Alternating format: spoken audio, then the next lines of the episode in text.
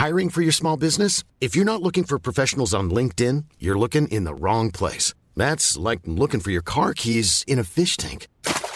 LinkedIn helps you hire professionals you can't find anywhere else, even those who aren't actively searching for a new job but might be open to the perfect role. In a given month, over 70% of LinkedIn users don't even visit other leading job sites. So start looking in the right place. With LinkedIn, you can hire professionals like a professional. Post your free job on linkedin.com slash people today. Hey, I'm Ryan Reynolds. Recently, I asked Mint Mobile's legal team if big wireless companies are allowed to raise prices due to inflation. They said yes. And then when I asked if raising prices technically violates those onerous two-year contracts, they said, what the f*** are you talking about, you insane Hollywood ass?" So to recap, we're cutting the price of Mint Unlimited from $30 a month to just $15 a month. Give it a try at mintmobile.com slash switch. $45 upfront for three months plus taxes and fees. Promo rate for new customers for limited time. Unlimited more than 40 gigabytes per month. Slows. Full terms at mintmobile.com. Burrow's furniture is built for the way you live. From ensuring easy assembly and disassembly to honoring highly requested new colors for their award-winning seating, they always have their customers in mind. Their modular seating is made out of durable materials to last and grow with you. And with Burrow, you always get fast, free shipping. Get up to 60% off during Burrow's Memorial Day sale at burrow.com slash ACAST. That's burrow.com slash ACAST. burrow.com slash ACAST.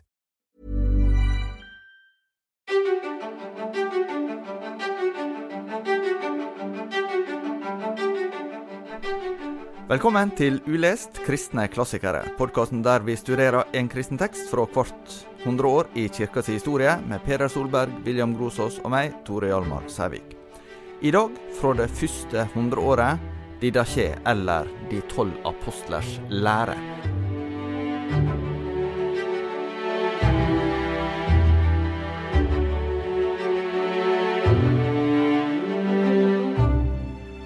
Hvorfor har vi valgt den? Det er ikke så mange andre å velge. Vi har jo Nytestamentet, som består av tekster som er skrevet altså i det første århundret, det samme århundret som Jesus levde i. Og de fleste tekstene derfra, de kristne tekstene derfra, de kjenner vi jo fra Bibelen.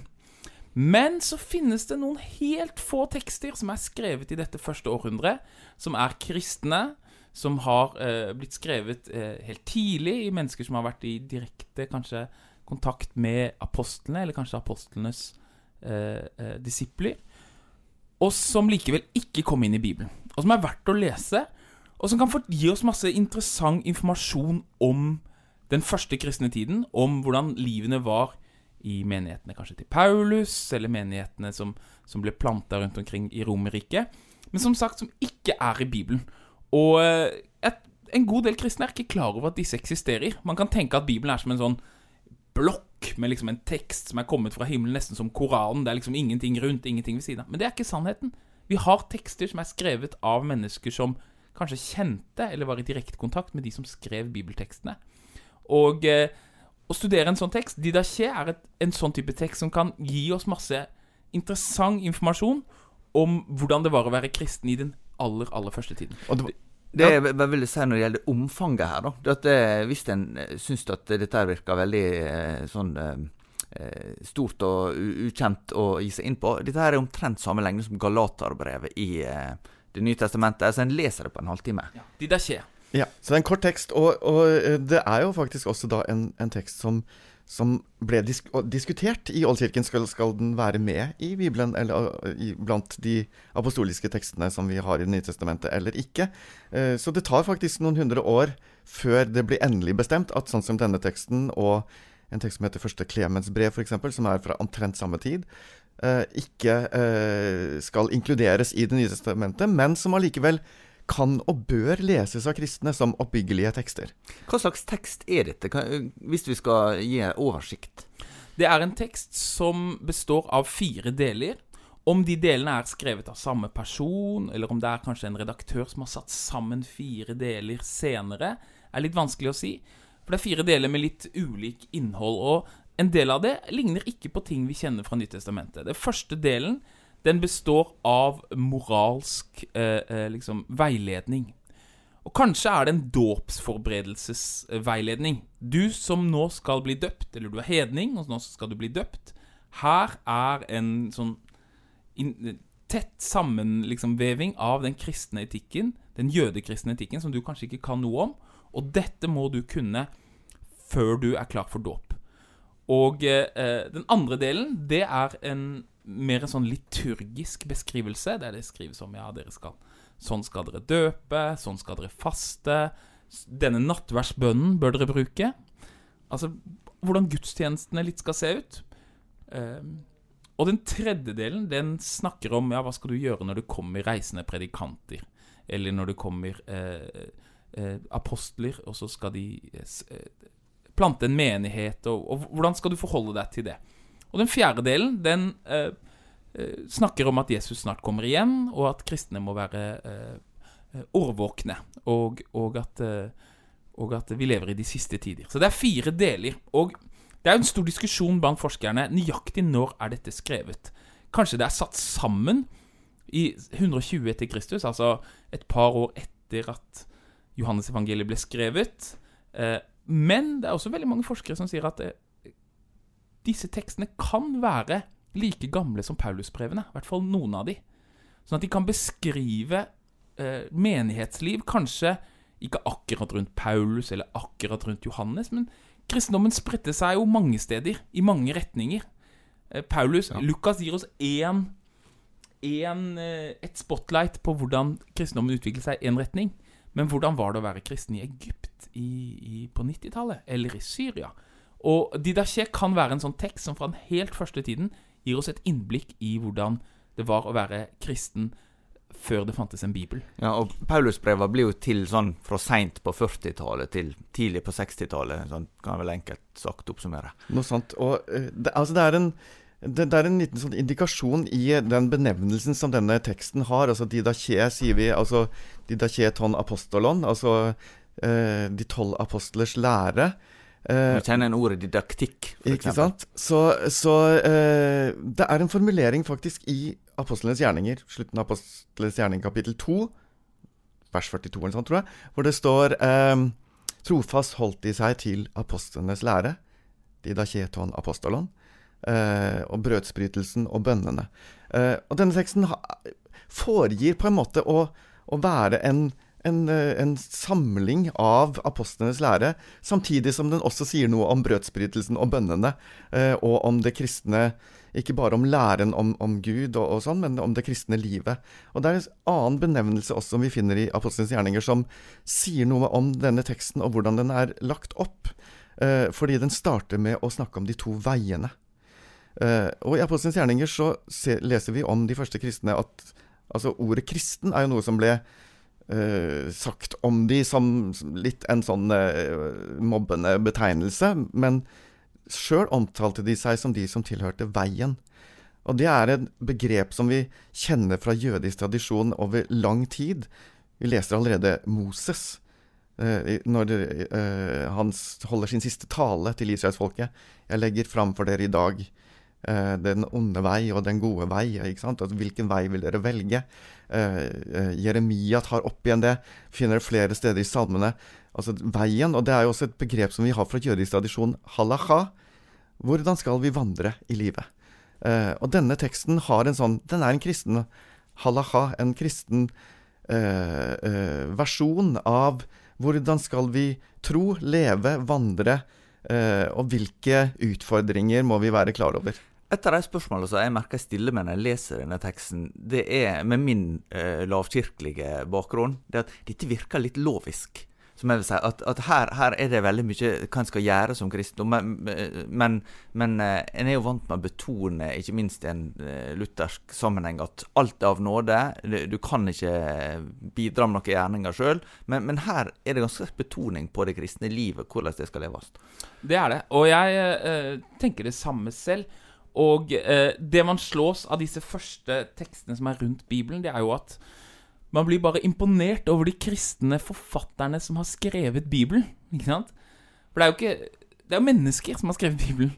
Og tenk hvilken enorm teologisk teft de har. Lukas, Matteus, Markus. De skriver fra ulike perspektiver. Men de har nøyaktig samme teologi. Liksom, de, liksom, de, de, har den dype visjonen av at Jesus er den nye loven. Men, men det er jo det, der tanken om inspirasjon ja, også ligger. det, ligger ikke... det, er absolutt en inspirasjon. Vi sier at, er, at, hele Bibelen er skrevet i samme ånd. og disse menneskene, hvem var disse menneskene som var i stand til å skrive Johannesevangeliet? Altså, det må jo være eh, eh, en tenker som overgikk Platon i liksom i, i, i raffiner... Det må være det, Hvordan det er satt sammen helt sånn uten feil, uten lyte. Det er bare det perfekte tekst, Johannesevangeliet. Og så kan man, hvordan er det mulig? Og det man leser når man leser disse tekstene som er litt rundt, det er at de er skrevet av eh, mer litt sånn vanlige folk. Ikke sant? De er, de, de er utrolig flotte tekster, og de har direkte eh, kontakt med kildene. Så det kan godt hende at noen som hadde skrevet de, kjente Jesus, men at de, de mangler den her liksom stødige hånden, sånn at du tydelig kan skille helt tydelig hva er det egentlig Hvordan forstår vi Jesu lære? Eksempel Matteus har jo denne utlegningen av bergprekenen, og en sånn veldig raffinert måte å balansere og plassere den, den eh, undervisningen som noe som er en forlengelse og et brudd med loven i Det gamle testamentet. At?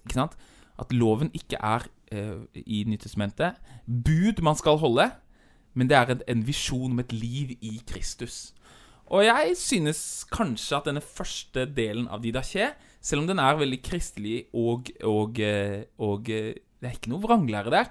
Den er ikke i samme på en måte grad i stand til å gjøre denne hårfine skillet mellom når er no, noe blir, blir lov, og når er det det blir og jeg skal si, Den hellige ånd som virker. Du, du brukte en gang tidligere et, et bilde med at Nytestamentet er gull, og dette her er sølv.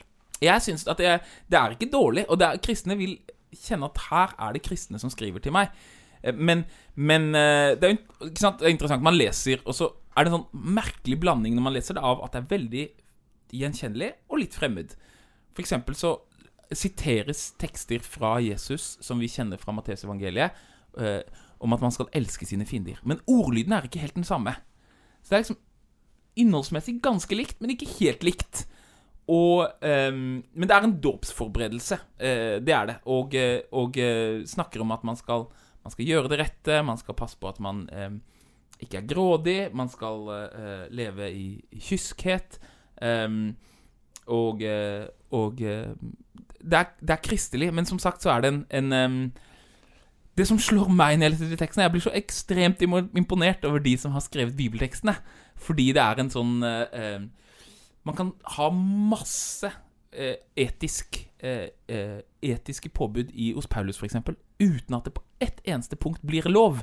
Og noen ganger spør jeg meg om de da ikke klarer å holde tunga rett i munnen alltid. Og det er ikke sikkert den helt klarer. Nei, men jeg vil samtidig utfordre kanskje litt eh, din beskrivelse, William. Fordi eh, eh, Ja, er det Er det så Så, hva skal jeg si Smørt med en, en eh, enhetlig teologi i i Det nye testamentet, er det ikke også litt sånn at vi der også ser spenninger, f.eks. mellom Jesu utlegging i bergprekenen, Jakobs brev, og noen av de hva skal jeg si, eh, mest kjente og kjære eh, utlegningene av, av nåde og ikke gjerninger hos Paulus. Altså, det er jo en spenning der som, eh, eh, som vi finner også i Det nye testamentet, mellom dette at eh, Ja, men det handler jo om hvordan vi lever. Det handler jo om hva som er sammenhengen mellom denne nye troen på Jesus og, og den livsførselen som følger med. Eh, og, og jeg er helt enig i at det er en tone her som, som ligger mer kanskje i ytterkanten av det vi finner i Jakobs brev, da, eller, eller i bergprekenen, men det er allikevel en Det er allikevel um, uh, Hva skal jeg si Ikke så eh, på siden av, av disse spenningene som Jeg vi finner i det. Ja. Men det, for meg handler det også om liksom å se skjønnheten også i, i, i en absurd At det skal finnes mennesker som kan uh, eh, skrive sånne tekster som evangeliene er. Men de da ikke er ekstremt verdifullt. Og, og uh, at dette mangfoldet fins. At det er en sterke spenninger mellom Jakob, som kanskje er i et mer uh, eh, Et miljø som kanskje er i en helt annen Hva skal jeg si eh, kulturell kontekst enn noen av de andre tekstene blir skrevet i, f.eks. Johannes evangeliet. At den spenningen er sterk i Nyttestamentet, er det ingen tvil om. Eh, men min påstand, da, som er litt sånn at det, det fins nesten, bortsett fra kanskje apostelgjerningene 15, så fins det egentlig ikke en eneste lov i hele Nyttestamentet. Det fins bare masse idealer. Og alle forfatterne har denne visjonen.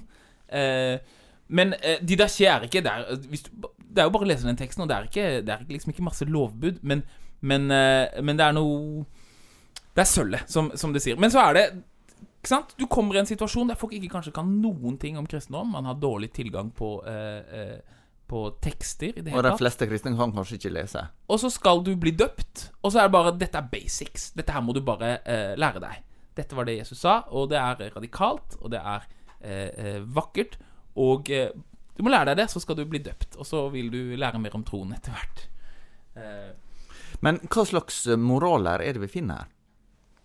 Det er jo en, en, eh, en eh, sterk vektlegging av, eh, av livsførsel, som William var inne på. Altså, vi gjenfinner en del av de samme eh, hva skal jeg si, katalogene over eh, hva som er den rette måten å leve på, hva som er den dårlige måten å leve på, som vi kan finne både, både i Paulus brev og i andre eh, brev i Det nye testamentet. Eh, så det handler jo om alt ifra eh, eh, hvordan eh, du skal behandle de fattige, til at man ikke skal stjele, ikke slå i hjel, ikke utføre abort, står det faktisk også spesifikt. Eh, ikke lyve, ikke sant. Alle disse tingene som vi gjenkjenner fra både jødisk og kristen morallære, egentlig. Uh, uh, ja. Det står om sinne, det står om uh, ikke ta varsler fra fuglene. altså astrologi er man inne på her, og, og ulike varianter av både livsførselsmessige og religiøse praksiser da, som, som eh, man utfordres fra i, i den samtiden. Eh, hvor noen av de er eh, kanskje litt sære for oss, men samtidig eh, også kanskje overraskende aktuelle.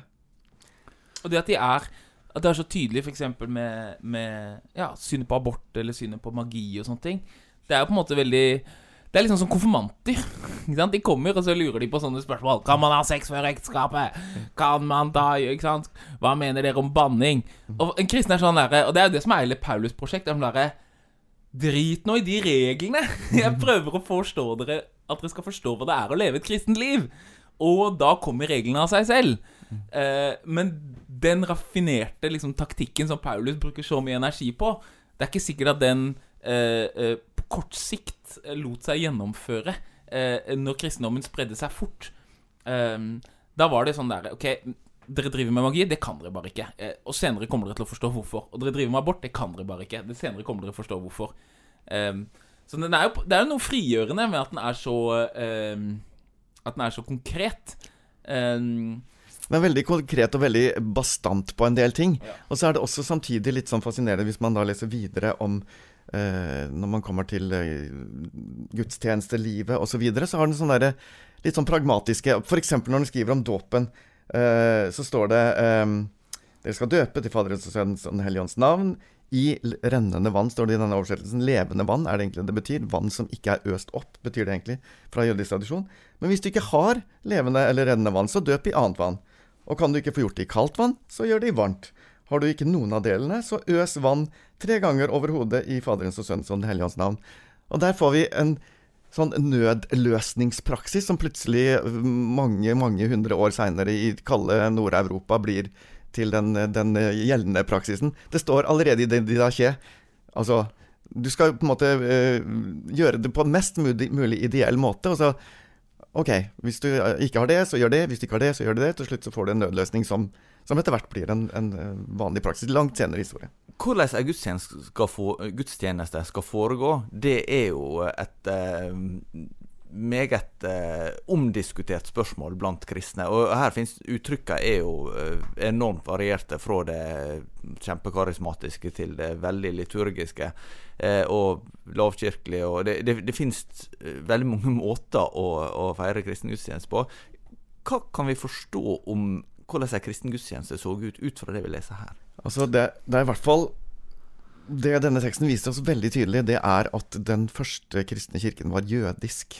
Og hadde en jødisk bakgrunn. Og, og var man jøde, så hadde man en masse bønner som skulle leses til ulike uh, uh, tider, ulike anledninger, dag for dag, uh, uke for uke. Man hadde et jødisk kalenderår med, fester som skulle feires osv. Og, så og vi ser at det jødiske lever med som, som en selvfølgelighet i hvordan de kristne også da samtidig må etablere sin egen måte å gjøre disse tingene på, knytta til kjernetroen i kristendommen. Øh, øh, Jesu død, oppstandelse. Ikke sant? At det er dette som er kjernen i alt det vi holder på med. Når, altså det er han vi ber til. Det er disse hendelsene som vi feirer. Eh, så det er jo ingen tvil om at her er det liturgisk. Eh, og samtidig er det ikke liturgisk i motsetning til karismatisk f.eks. Altså bønnene, altså de skal bes eh, etter inspirasjon. Altså det er, det er, det er både det faste liturgiske og en selvfølgelig forståelse at her er Den hellige ånd involvert. Så, så, så, det er en kombinasjon der. Det er sånn, tror det er en sånn Altså, denne teksten her hadde man ikke tilgjengelig eh, i f.eks. reformasjonen. Den ikke, spilte ikke noen rolle der, og heller ikke på 1700-1800-tallets vekkelser. Det som er så interessant med denne teksten, er at den var på en måte tapt i mange århundrer. Det som eh, eh, Som sagt, kirkefedrene nevner den, kirkefedrene bruker den, forteller at den, den, er verdifull, og noen mener at den skal være i Bibelen. Og så blir det til slutt eh, bestemt på 300-tallet at den nok ikke skal være det, men den blir utgangspunktet for en veldig viktig sånn kirkeordning på 300-tallet. Den er på en måte kjernen, kalles for de apostoliske konstitusjoner, mm. som er en litt sånn større kirkeordning. Og da er Didaché den er, den er på en måte um, kjernen i det. Så det er helt tydelig at den tidlige kristne kirken den forholdt seg til Didaché til en veileder på hvordan man skal ut hvordan man skal f.eks. døpe, hvordan du skal ha nattverdsgudstjeneste, hvordan du skal forholde deg til til, eh, til, eh, pastorer og prester som eh, ønsker penger og, og, sånne ting. Så det er liksom en del av en kjerne. Men så eh, eh, skjer det jo mange ting at den her er jo på en måte altfor Den er ikke Bibelen, og så er den på en måte altfor enkel til at den kan Du kunne ikke hatt den inn i en, en, en, stor menighet i dag, for det er så mange spørsmål den ikke adresserer. Og på samme måte så blir den på en måte ansett som mindre relevant, kanskje. Og derfor så hører man Man vet om den i middelalderen og i reformasjonen men man har den ikke. Den er tapt. Eh, og, eh, og, For man, man, vet at dette eksisterte. Det hadde vært spennende å vite hva som sto i det dokumentet, men vi vet ikke om det. Og så skjer det ved en litt sånn tilfeldighet at en ung eh, prest i Konstantinopel, det som da var Istanbul da, på 1800-tallet, han eh, er der ved et kloster, og så ved en tilfeldighet så finner han en tekst et, et, som, han, som han, han, kjenner igjen. Sånn, Dette må være Didaché. Dette må være denne teksten. Og Han forsker på det og, og, arbeider med det i nesten ti år, og så publiserer han det. Og forskningen over hele verden de liksom anerkjenner dette. Dette er faktisk den tapte teksten av Didaché, som vi trodde var tapt. Og nå kan vi få et innblikk. Nå kan vi se inn i noe vi trodde vi ikke visste. Fordi Paulus beskriver ikke gudstjenestelivet. Han beskriver bare Han bare justerer gudstjenestelivet. Han beskriver ikke hvordan de feirer nattvær, han bare beskriver hva de gjør galt. For hvordan Han lærer de å døpe og holde nattvær når han er der. Eh, mens brevene er eh, på en måte telefonsamtaler. Så nå får vi det fra slutten av 1800-tallet. Og da er det en god del myter da som, som blir avkreftet. F.eks. det at, at i Nytestamentet så var de eh, anti alt som hadde med liturgi. De var mot alt som hadde med, med faste ordninger å gjøre. At alt var på en måte bare fritt og som en, liksom en, en bibelgruppe, på en måte. Uh, ja, husmen, at, at, det var husmenigheter, ja, det vet vi. Ja, det betyr at de bare hadde At alt var fritt. Men de der ikke viser oss at det det, det, er sånn, det er ikke historisk rett. De, de, de som Peder sier, de, de, hadde liturgier som var veldig rotet i sin jødiske eh, tradisjon. Og de tok symboler, tradisjoner fra det jødiske, og så kristnet de det, og så tok de det videre. Og det ser vi f.eks. i de at det brukes et bilde om at brød og vin skal bæres frem. Og det frambæring, det offer på en måte, måten å tenke på, det stammer jo fra at man allerede så tidlig tenker om sin kristne gudstjeneste som en slags realisering av tempelgudstjenesten. Og eh, forskerne i dag, i lys av dette, så har jo begynt å jobbe med ja, men Betyr det kanskje at Johannes' åpenbaring, som snakker så mye om tempel og den himmelske gudstjenesten, at den teksten egentlig er en ikke bare en beskrivelse av noe som skjer et annet sted, men også en beskrivelse av hvordan de faktisk feiret gudstjeneste i de tidlige kristne kirkene. Og det er det eh, f.eks. Eh, Sverre Lid, da, som en, eh, noen kjenner, har skrevet en doktorgrad om dette nå helt nylig, hvor han, hvor han tar den påstanden at annet at Johannes' åpenbaring beskriver for oss om de 24 eldste som kneler, om at de røkelsen som stiger opp. Det er ikke bare symboler, det er altså en beskrivelse av de første kristnes gudstjeneste, som de så som en delaktighet i den himmelske gudstjenesten. Du nevnte det med lederskap, eh, og det er jo også et eh, spørsmål som blir mye omdiskutert. Hvem var det som skulle bli kristne ledere, og hva skulle kjennetegne dem? Altså, Vi finner jo noen av de tilsvarende formaninger som vi også ser eh, i Nytestamentet rundt, rundt det. Eh, men det er jo litt andre typer roller her som, som vi ikke nødvendigvis kjenner igjen. Verken fra, fra Altså Noe av de kjenner vi igjen fra, fra beskrivelser i Bibelen og i senere historie, men f.eks. så har man disse vi kan nesten kalle de eh, emissærer i moderne språkbruk, altså omreisende lærere. Eh, vi har apostler.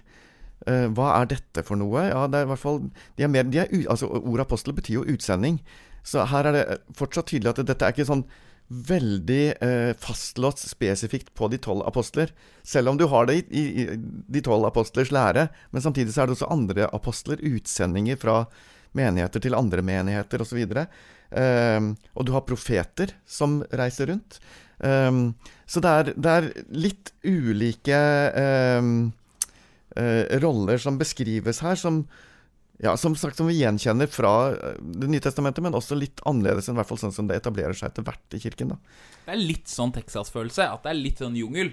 At ting er ikke helt eh, satt uh, liksom fast her. Og um, det er ikke, Byråkratiet har ikke kommet så langt i kirken. Og det er jo noen som sier at det er veldig bra, og det var sikkert veldig bra, men, men alle vet at når det ikke er noe ordning, så kan det også være veldig sårbart.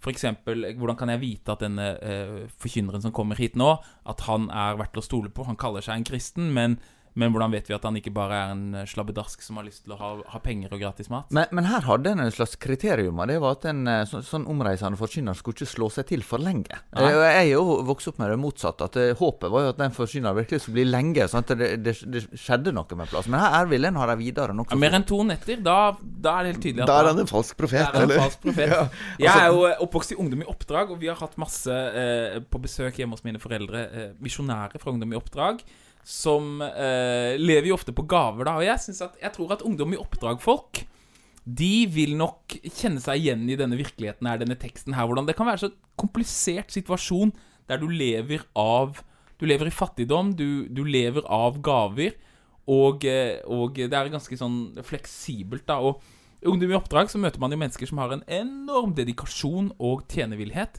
Og så vil det alltid være en og annen som på en måte ser sin mulighet til å til å Ok, men nå får jeg meg et friår, og noen andre betaler for at jeg reiser til Bahamas og, og koser meg på stranda og snakker litt om Jesus med folk og sånne ting. Jeg så en sketsj på det, liksom, hvor det er en, en ung fyr som liksom har solbriller og solkrem, og som sender et brev hjem til menigheten. Ja, ja, vi er her på en outreach i Bahamas, og vi føler at Den hellige ånd liksom taler til oss, og vi tror at at Gud vil at vi skal jobbe her et par uker til. Og, for vi var på stranda i går og spilte volleyball, og vi følte at eh, jo, Den hellige ånd vil dette for oss, og så send mer penger. Og. Så det er, det er, en tekst som, som eh, ikke undervurderer eh, eh, at altså Selv om mennesker sier at de er veldig åndelige, eller sier at de kommer i Guds navn, så er det det praktiske livet som vi skal måle det på. Ikke bare åndeligheten, men er de på jakt etter penger?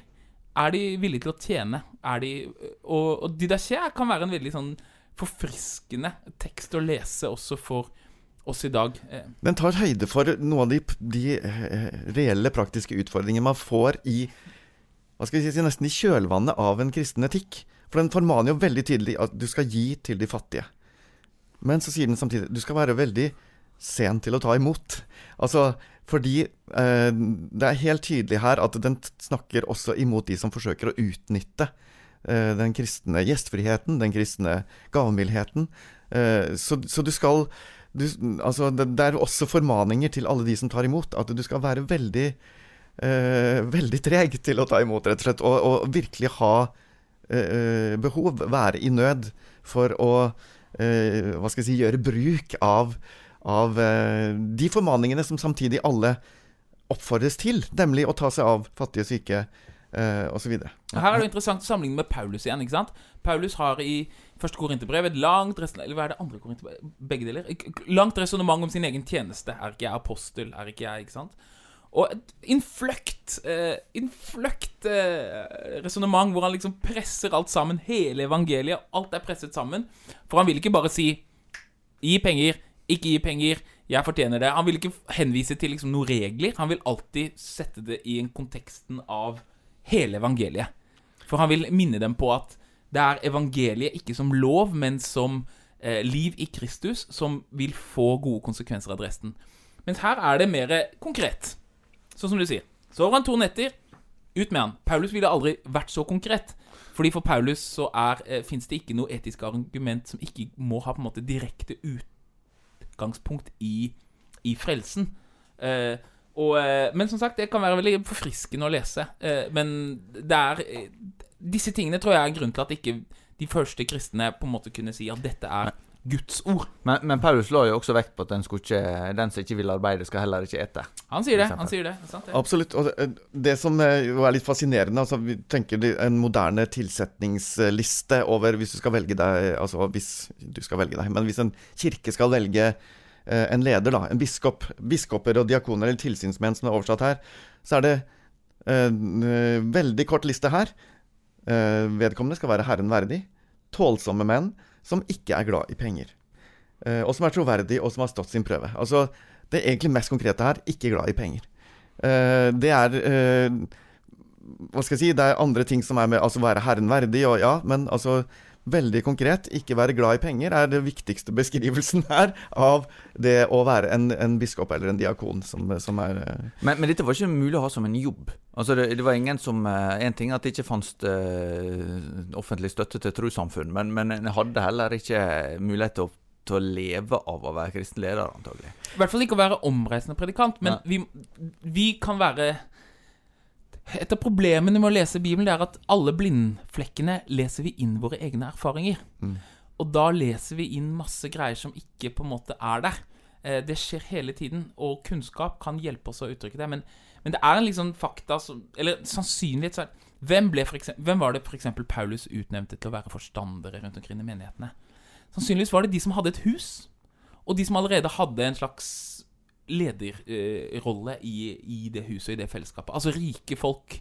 Og det er litt sånn ah, Vi vil egentlig ikke at det skal være sant, for vi vil at det skal være den som var frommest, eller den som var eh, mest dedikert, og sånne ting. Men sånne praktiske hensyn var nok veldig vanlig i de første kristne tidene. Derfor så ser vi at selv om eh, eh, diakonisser og, og eh, slaver spilte veldig sentrale roller i den tidlige kristne kirke, så var det ganske naturlig at de som fikk lederansvar, eh, var mennesker som hadde et hus de kunne invitere inn i, eller som hadde en, en, eh, en, en lederskapserfaring fra sin, sin utdannelse. Eh, og, og sånn var det nok. Derfor er, blir det ikke så lett Det er ikke så Du kan ikke bare eh, på en måte overføre og si ja, eh, det å ha en lønnet stilling som prest, det er egentlig noe som eh, kom senere, og som ikke har noe med tidlig kristne tid og sånn. Ja, men, men, men det er ikke så enkelt heller, fordi eh, de første kristne eh, forstanderne i sannsynligvis veldig for stor grad var en del av eh, skal jeg si, en annen klasse. Ja. Ja, og, og samtidig så ser vi også her sporene av hvordan eh, de kristne etablerer seg som et samfunn i samfunnet. eh, Med sine egne Altså selvfølgelig alt dette med det etiske som vi har snakka om, men også eh, Det står f.eks. her dere skal søke samfunn med de hellige hver dag. Det er ikke bare sånn en, en gang i uka søndag. Nei, hver dag. Så det er veldig Vi kan kalle det et aktivt menighetsliv, da, som, som vi ser spor av her, og som også da innebærer at med gaver osv. Altså det er, om ikke så mye penger, men det er i hvert fall midler i omløp. eh, som fordeles etter skjønn og etter evne. eh, også ut ifra hva slags tjenester man gjør i menigheten. Så selv om man ikke hadde det som jobb i moderne forstand, så, så var det nok eh, flere her som, som hadde ganske stor del av sin daglige virksomhet å drive menighetens arbeid, og også få da eh, livsopphold i tilknytning til det. Men hva visjon er, vi, er det vi ser fra dette fellesskapet, og hva den vil bety i sine omgivelser? De ser seg nok som et, eh, et fellesskap som eh, er helt annerledes, og som har en helt annerledes etikk, og som eh, eh, ønsker å misjonere og vinne mennesker for sin sak, men som er veldig skjermet fra resten av samfunnet, eh, og som har ehm, eh, ulike, eller helt annerledes prioriteringer og eh, perspektiver, og lever derfor eh, en helt annerledes etikk, og lever tett. ikke sant? Tidligere, Senere så får man jo klostrene. Når etter hvert liksom krist, samfunnet blir kristne, så får du klostre som på en måte skal realisere gudsrike-etikken i sine fellesskap. Og Luther for eksempel, ønsker jo at familien skal være et slags lite kloster. Men her så er det menigheten som er eh, gudsrike fellesskapet. Det tror jeg vi kan si ganske klart. Og, og en god del av den etikken som blir på en måte umulig å gjennomføre når kristendommen blir stor nok, eh, den er eh, her er, i hvert fall forsøkt realisert. Og, og eh, vi kan være ganske sikre på at, at eh, em, det var veldig tette bånd, og at det var veldig høye forventninger til eh, hva, man, hva det betydde å bli døpt og bli en del av det kristne fellesskapet. Og Samtidig så er det ikke sikkert at de var så skjerma. for altså, det er noe med formaningene her som nettopp også forutsetter at her var det masse utfordringer man møtte i dagliglivet. Så, så det er kanskje mer, for å vri litt på det, eh, altså det at man forsøker å skape e- et skjerma samfunn fordi at trøkket fra storsamfunnet er så stort i møte med altså det man møter der ute, da, av, av helt andre eh, etiske overveielser, helt andre livsførsler, helt andre praksiser. Eh, både etisk og, og religiøst. Så, så det er en sånn Altså, det er Noe av den sterke tonen her tror jeg også handler nettopp om det. At man forsøker å etablere et kristenfellesskap som ikke er så enkelt, fordi veldig mange lever nettopp i et samfunn som, som har helt andre prioriteringer og helt andre mm, verdier. Da. Det ser vel eksempel på også i Nytestamentet, med helsinga til de som tilhører keiserens hus. Ja. For eksempel, at, at det der er mennesker, kristne som har vært i, i eh, sammenhenger der en helt opplagt eh, det ikke våre kristne ideal som har vært, det rådende. Og her har det vært selvfølgelig stort mangfold. i Det er Romerriket. Vi er er én ting, men det kan jo vært kristendom som har vært utenfor Romerrikets grenser også. Det er lett å, å, å glemme det, at ved siden av Romerriket så lå det andre riker med andre eh, styresmakter, andre kulturer. Eh, ifølge tradisjonen så kom jo Thomas, reiste jo hele veien og tok eh, fra Persiabukta, tok båten helt ned til sydspissen av, av India. Om det, om det historiske er ikke så viktig, egentlig. Det som er viktig, er at kristendommen beveger seg i alle retninger fra Jerusalem, ikke bare mot Roma.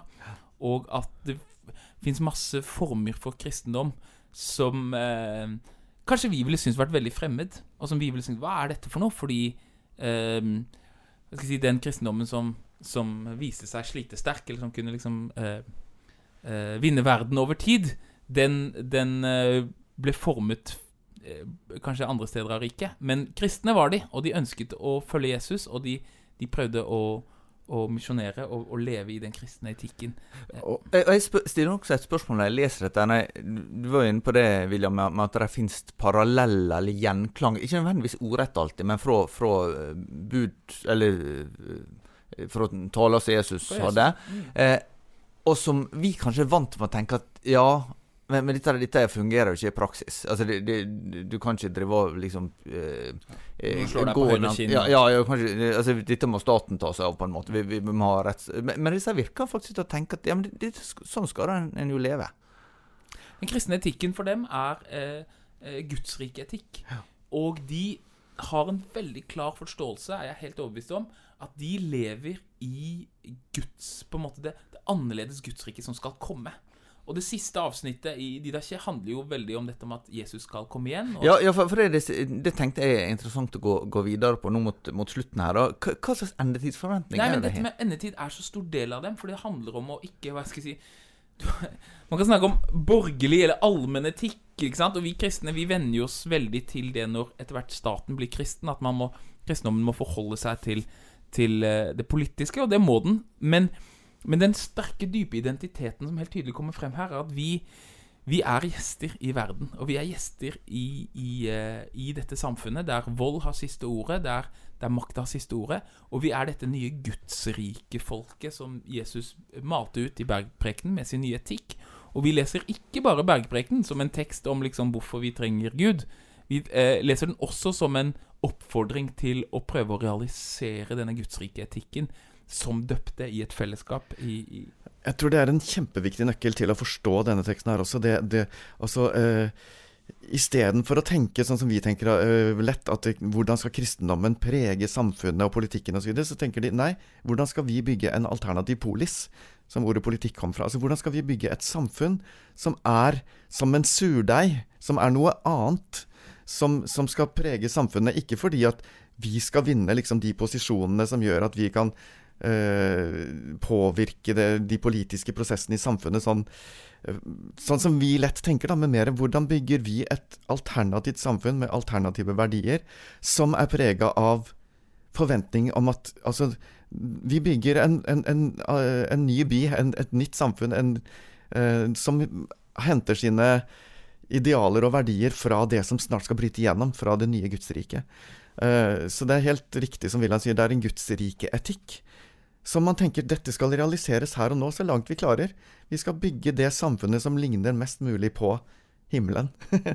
eh, og så er det selvfølgelig også i denne teksten masse utfordringer med det som, som man møter i praksis. Men, men, det er der idealet ligger. Det er det å På hvilken måte kan vi nå etablere et fellesskap som, som ikke bare liksom er litt bedre eller litt annerledes eller litt påvirkning Nei, vi skal prøve å bygge det fellesskapet som ligner mest mulig på Guds rike. Men er det sånn at de regner med at Jesu gjenkomst den er rett rundt hjørnet? Altså, det er ikke sikkert de tenker sånn Altså, når man tar Det er liksom det samme som spørsmålet Dette er et helt annet spørsmål, men det er sånn derre eh, Når Jesus sier 'Er det få som blir frelst?' så sier han 'Kjemp for å komme inn i Guds rike'. På samme, og da, men da har vi lyst til å ta steget tilbake og spørre Ja, hvordan går det med barn i India som aldri har hørt om Jesus? Det er sånn derre eh, Feil spørsmål. S eh, spørsmålet er hvordan skal du forholde deg til dette? Og liksom spekulasjoner. Kommer Jesus igjen i morgen? Kommer han igjen om 1000 år? Kommer han igjen eh, i dag? Feil spørsmål. Du lever i de siste tider. Jesus har seiret over døden, og du som er døpt, er allerede en del av dette nye Gudsriket, og det skal du leve i. Og du skal eh, Frelsen er oss nærmere nå enn vi kom til tro. Eh, hva betyr det? Betyr det liksom tidsmessig lineart? Ja, nå er det bare fem dager igjen, ti dager igjen. Feil spørsmål feil spørsmål. Spørsmålet er hvordan påvirker det livet ditt? Hvordan lever du som en kristen med den, den alltid nærværende bevisstheten at Jesus kommer og forener himmel og jord og dømmer levende og døde? Og det skal være et perspektiv som påvirker alle valgene dine, påvirker alle tankene dine, alle prioriteringene dine, og som skal være eh, det som former, og det som gir deg håp, og det som gir kraft og styrke. Så, så um, vi finner ingen hva skal jeg si, endetidsspekulasjoner i den forstand. I det hele tatt. Og det er jo senere også begynner man å lese Johannes' åpenbaring som en endetidsspekulasjon. Jeg, jeg, tror ikke de som Jeg tror ikke verken Johannes som skrev Johannes' åpenbaring, eller, eller eh, de første tolkerne av dette, først og fremst så det på noe som handler om noe som skjer i fremtiden. Det handler om den kampen mellom Gud og Satan som vi står i her og nå som både har et evighetsperspektiv, der Gud er den seirende fra evighet av, og som handler om et eksistensielt perspektiv. Dette lever vi i fra dag til dag. Veldig viktig perspektiv. Altså, vi kan jo sitte her i vår tid og, og, lese og tenke at ok, de trodde at Jesus kom igjen snart, og de tok jo feil. Ja, men tok de feil? Altså, ja. de, de levde i den forventningen om at jeg skal snart møte min Herre. Eh, og i den forstand så, så, så, leser jeg også denne type tekster litt sånn som at alle kristne til enhver tid gjennom historien har levd i de siste tider, som vi også gjør i dag. I den forstand at altså jeg kommer ikke til å leve om, øh, om 50 år, sannsynligvis ikke i hvert fall. På nettopp passert øh, litt over 50. Så, så, øh, så, jeg lever i hvert fall i de siste tider. Hvis du er kristen og tror at du ikke lever i de siste tider, eller ikke tenker og ikke ber om at Jesus skal komme og gjøre alt nytt, og det ikke er en stor del av Så er det sånn hva, hva, er det du tror på, da? Hva er det du tror på? Det er eh, Endetidsforventning er ikke spekulasjon. Det er en et, et kall til En utfordring å, til deg. En utfordring og et kall til å ha Jesus seier over det onde for øynene hver dag, og vite at dette er den virkelige enden på hele historien. På mitt liv, på eh, vårt fellesskapsliv, på hele verdens liv. Og når jeg vet at det er enden på historien, så er det likende, helt likegyldig om det er om 1000 år, om 5000 år, eller om det er i morgen. Det er ikke, det er ikke poenget i det hele tatt. Poenget er at dette er enden på visa, og det Husk på det nå!